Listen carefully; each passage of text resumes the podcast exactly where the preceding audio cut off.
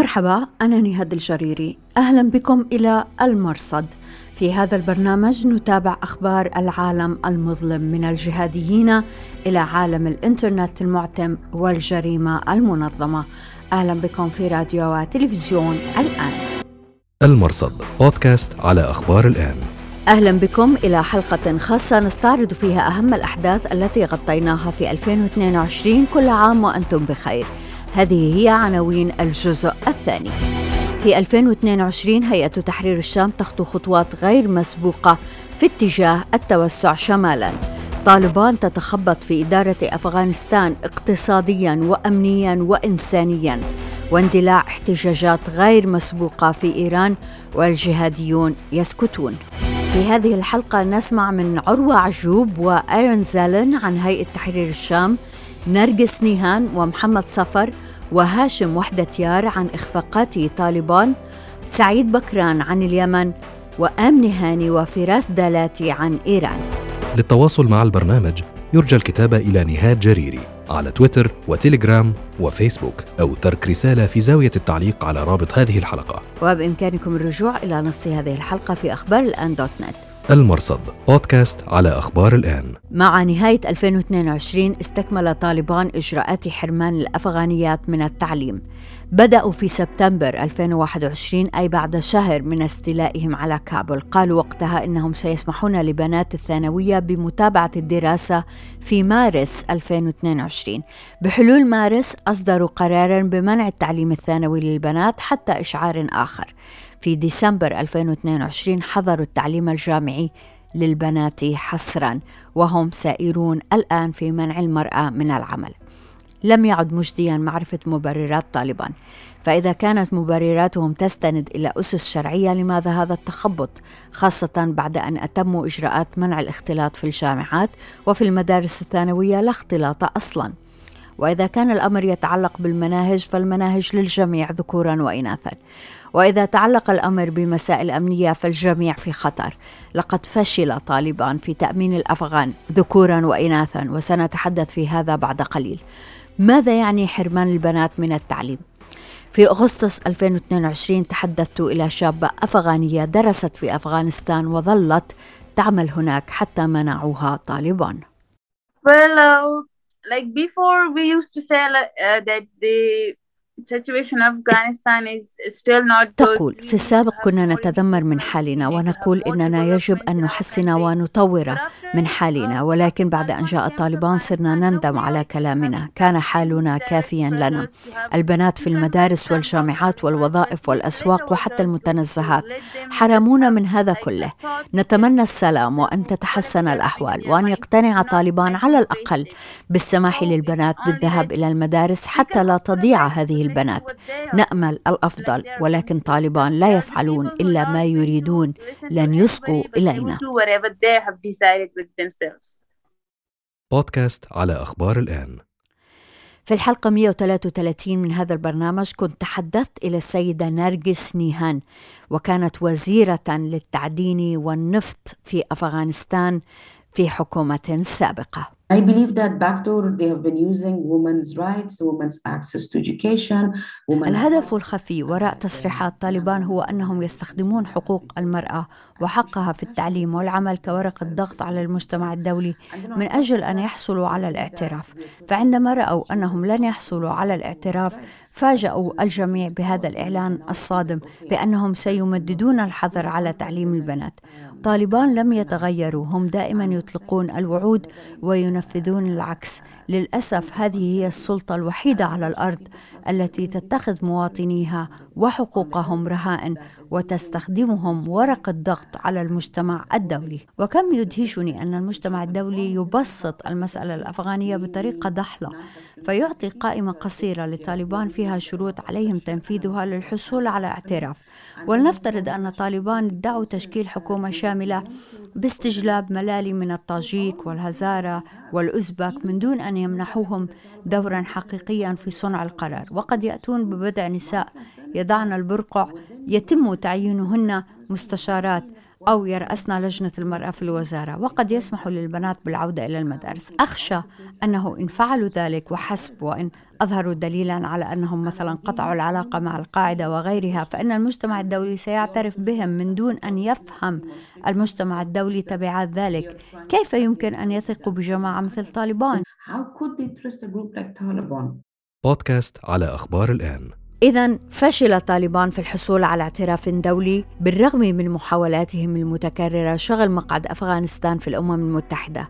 وبالرغم من حضورهم الدبلوماسي خارج أفغانستان واستقبالهم وفودا رسميه داخل أفغانستان، المجتمع الدولي لا يزال متوجسا من طالبان من حيث علاقتهم بتنظيمات إرهابية مثل القاعدة، طالبان باكستان، ومن حيث انعدام الثقة بالاستثمار في البلد الذي استولوا عليه بسبب غياب الأمن.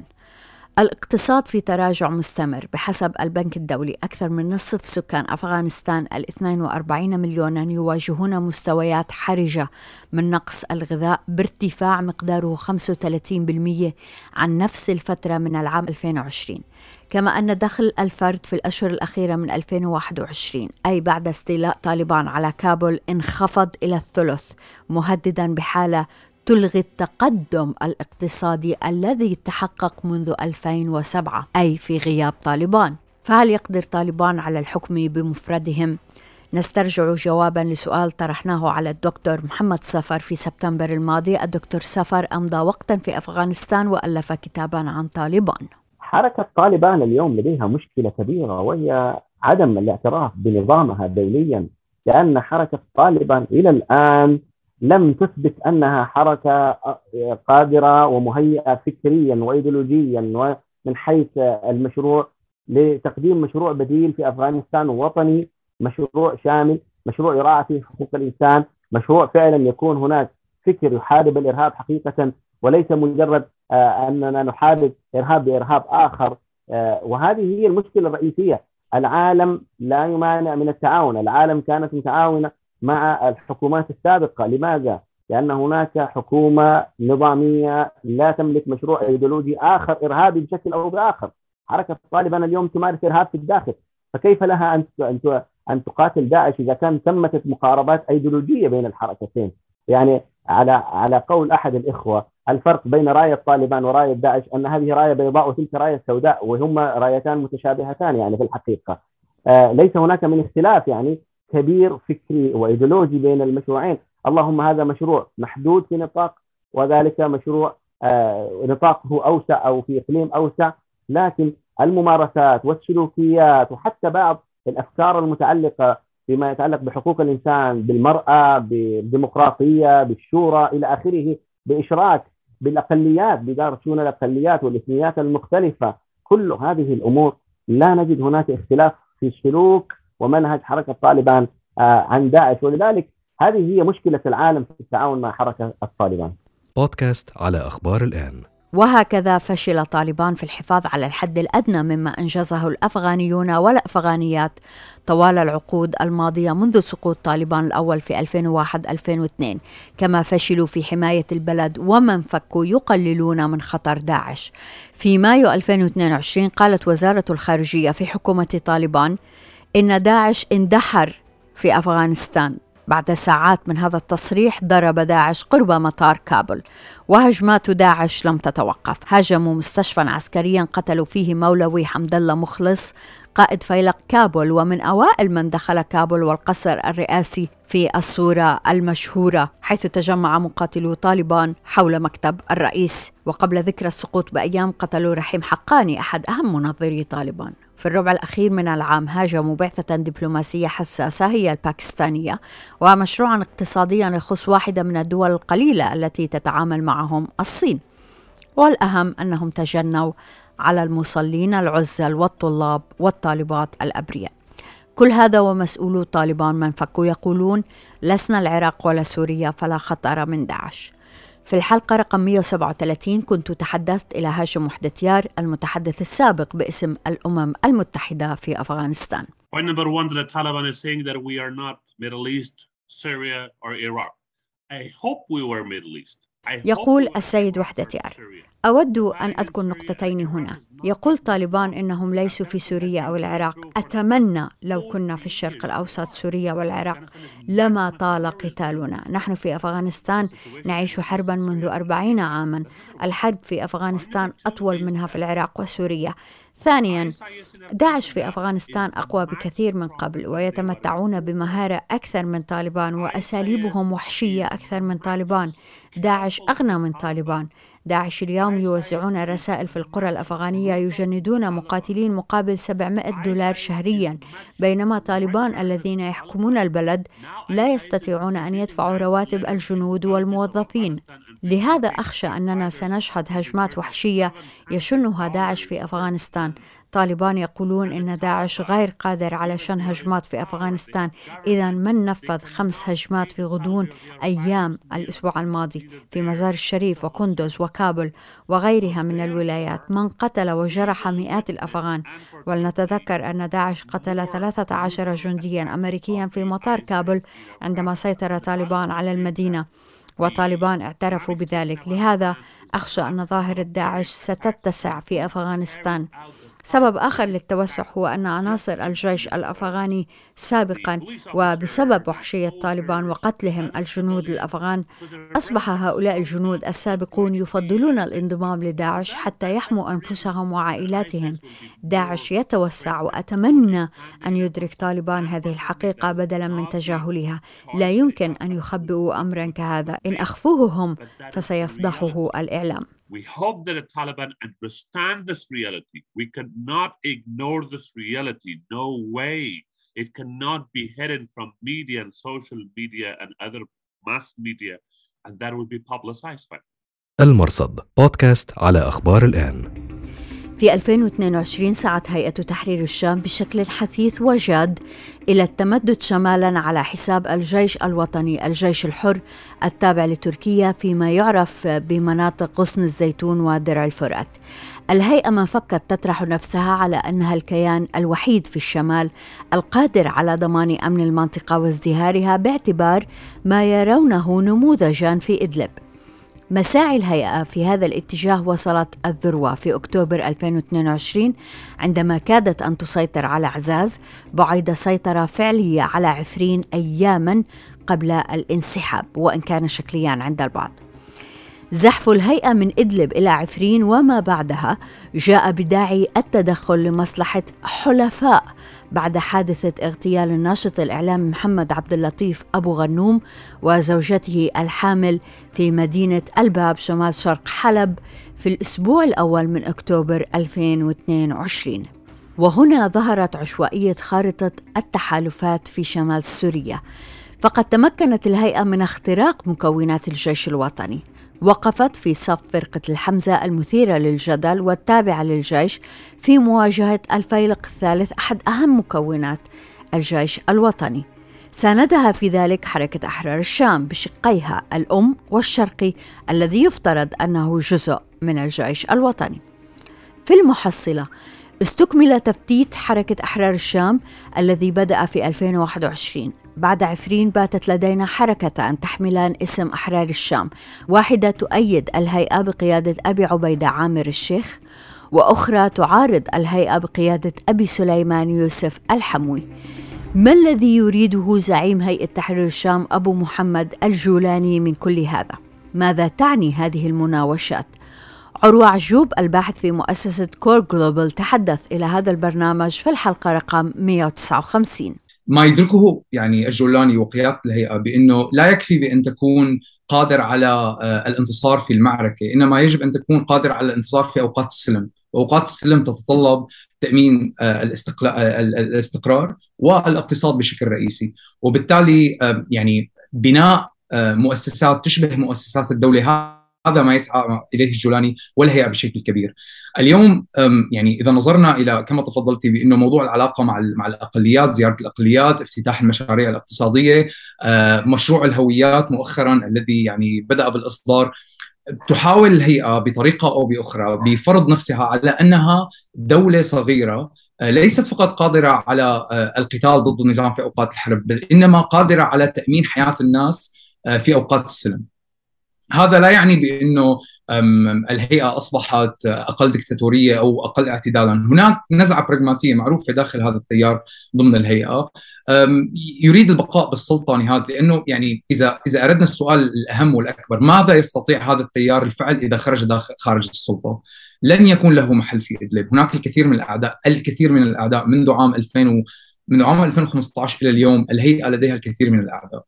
آه كل يعني كل ما تسعى إليه الهيئة هو البقاء بالسلطة للحفاظ على حياتها وللاستمرار. بودكاست على أخبار الآن.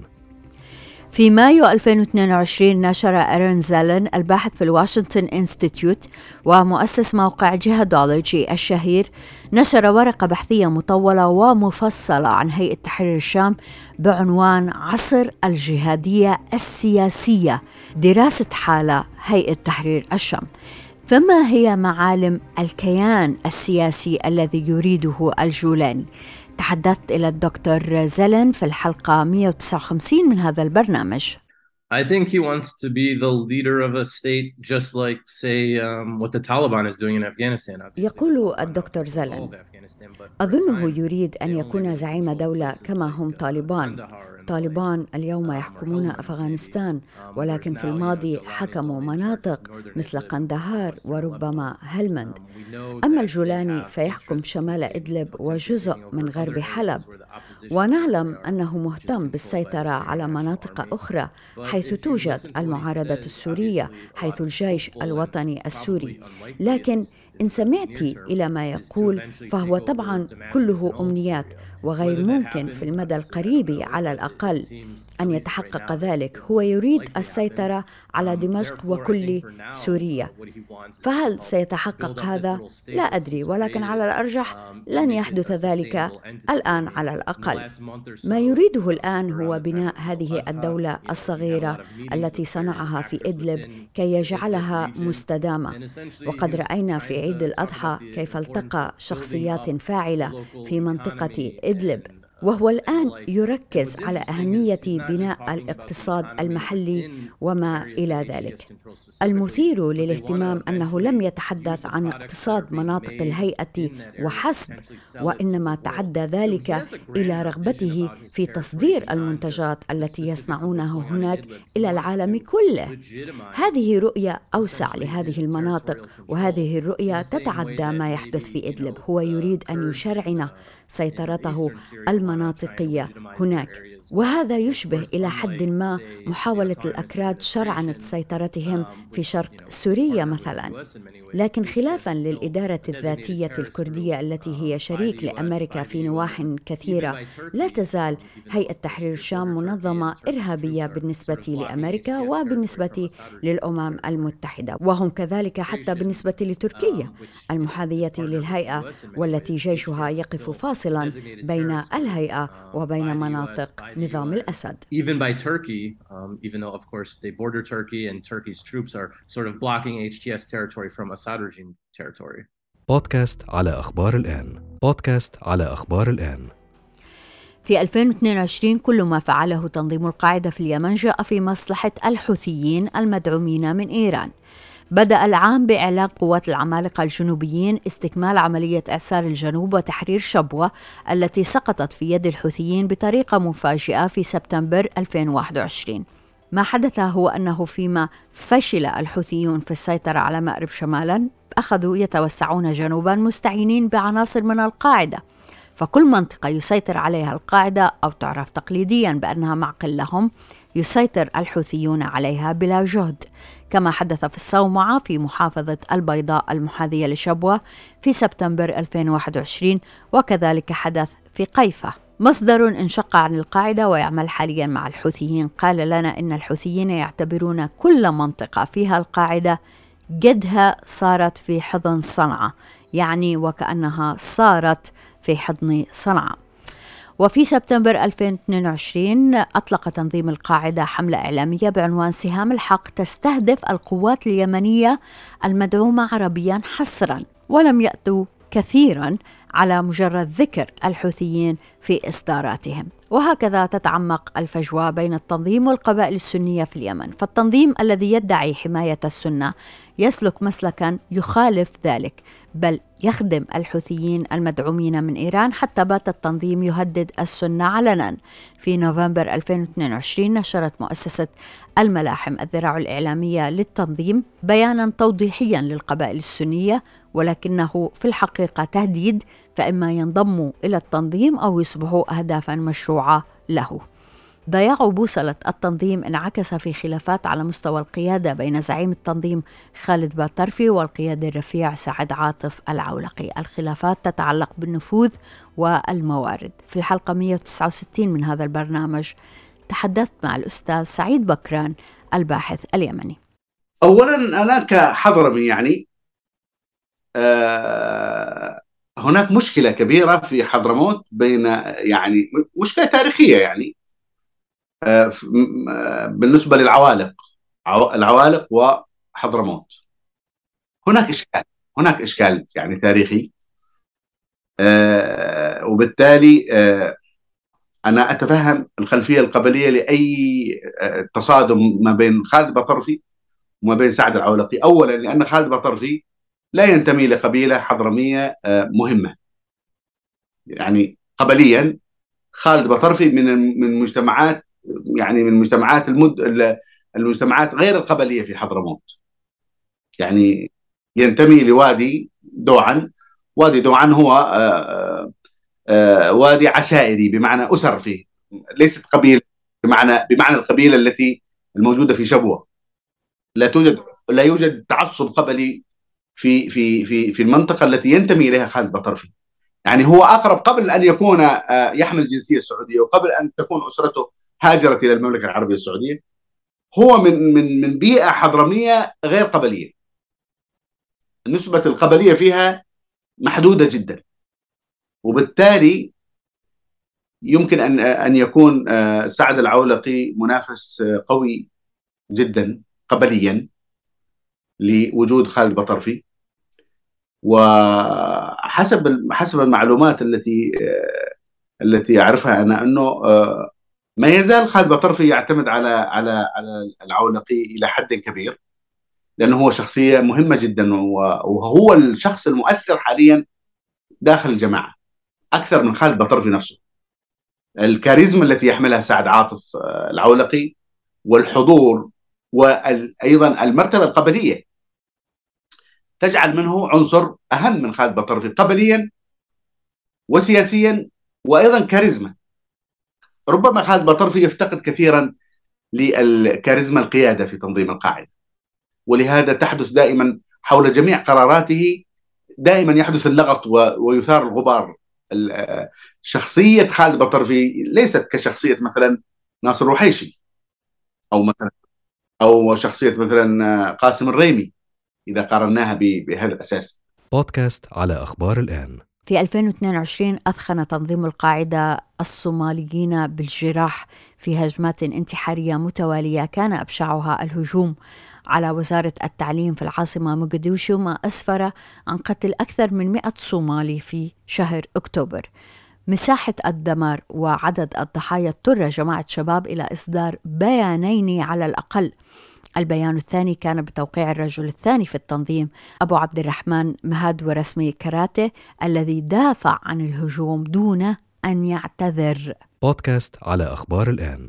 في سبتمبر 2022 اندلعت احتجاجات في طهران بعد أن قتلت الشرطة الإيرانية الشابة مهسا أميني لأن حجابها لم يكن حسب مواصفات الملالي 100% سرعان ما انتقلت الاحتجاجات من طهران إلى الأطراف بشكل غير مسبوق شابه احتجاجات الثورة الخضراء في 2009 مجتمع الجهاديين لم يكترث كثيرا بما حدث أو يحدث في إيران لاعتبارات تتعلق بالعلاقة مع القاعدة ولاعتبارات تتعلق بضيق الأفق لديهم.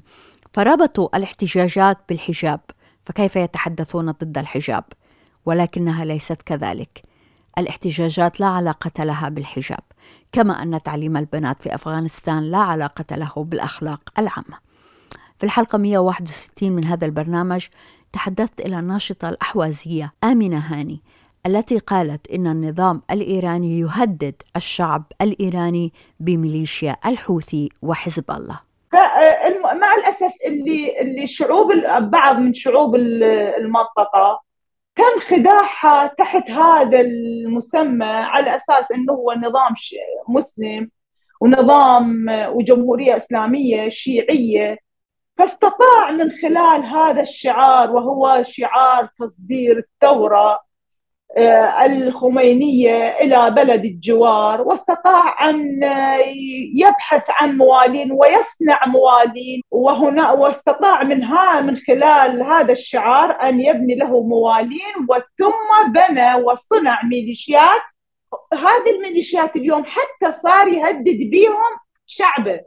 يعني على لسان عدة مسؤولين تحدثوا وهددوا شعوبهم إنه إحنا إذا ضعفنا بإمكاننا أن ندخل حزب الله. راح ندخل عليكم إيش الحشد الشعبي.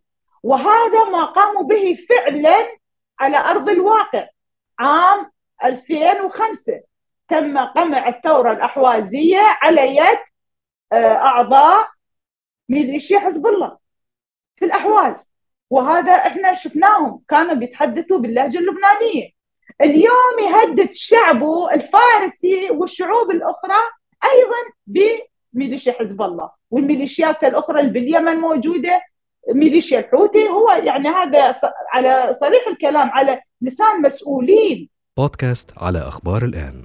الحراك على الأرض في إيران واجهه حراك في الفضاء الافتراضي في تنسيق غير مسبوق تعاون مجتمع الإنترنت لمواجهة القمع الإلكتروني الذي مارسته الحكومة الإيرانية. في الحلقة 164 تحدثت مع فراس دالاتي مدير التحرير في موقع إكس بار المتخصص. في تكاتف عم يصير حاليا بالتعرف على الجنود أو عناصر الشرطة يلي عم عم يمارسوا العنف ضد المتظاهرين أو ايا كان هلا كمان هون بصراحه يعني شيء حلو التكاتف اللي عم يصير إنه كمان عم يصير عن طريقين. الطريق أو ثلاث طرق بالأحرى. الطريق الأول هو مثل ما قلت لك هجمات الهندسة الاجتماعية يلي عم يهاجموا فيها مواقع أو مؤسسات معينة ومنها يحصلوا على معلومات شخصية مثل الايميلات مثل الأرقام مثل إلى آخره. طبعا أنت لما تخترقي لموقع مؤسسة عسكرية إيرانية فيك تعرفي إنه الأشخاص اللي بهالمؤسسة هن عم يمارسوا شو عم يمارسوا بالتالي بتقدري توصلي لهم أو بتقدري يعني يعني طالما انعرفوا للببليك ففي عدة خيارات ممكن تتاخذ بحقهم. نهاية هذه الحلقة من المرصد. شكرا جزيلا لوجودكم معنا في راديو وتلفزيون الآن. مني أنا نهاد الجريري وزميلي مصطفى حمدي المخرج الفني لهذا البرنامج. كل عام وأنتم بخير وسنة سعيدة. مع السلامة. بودكاست على أخبار الآن.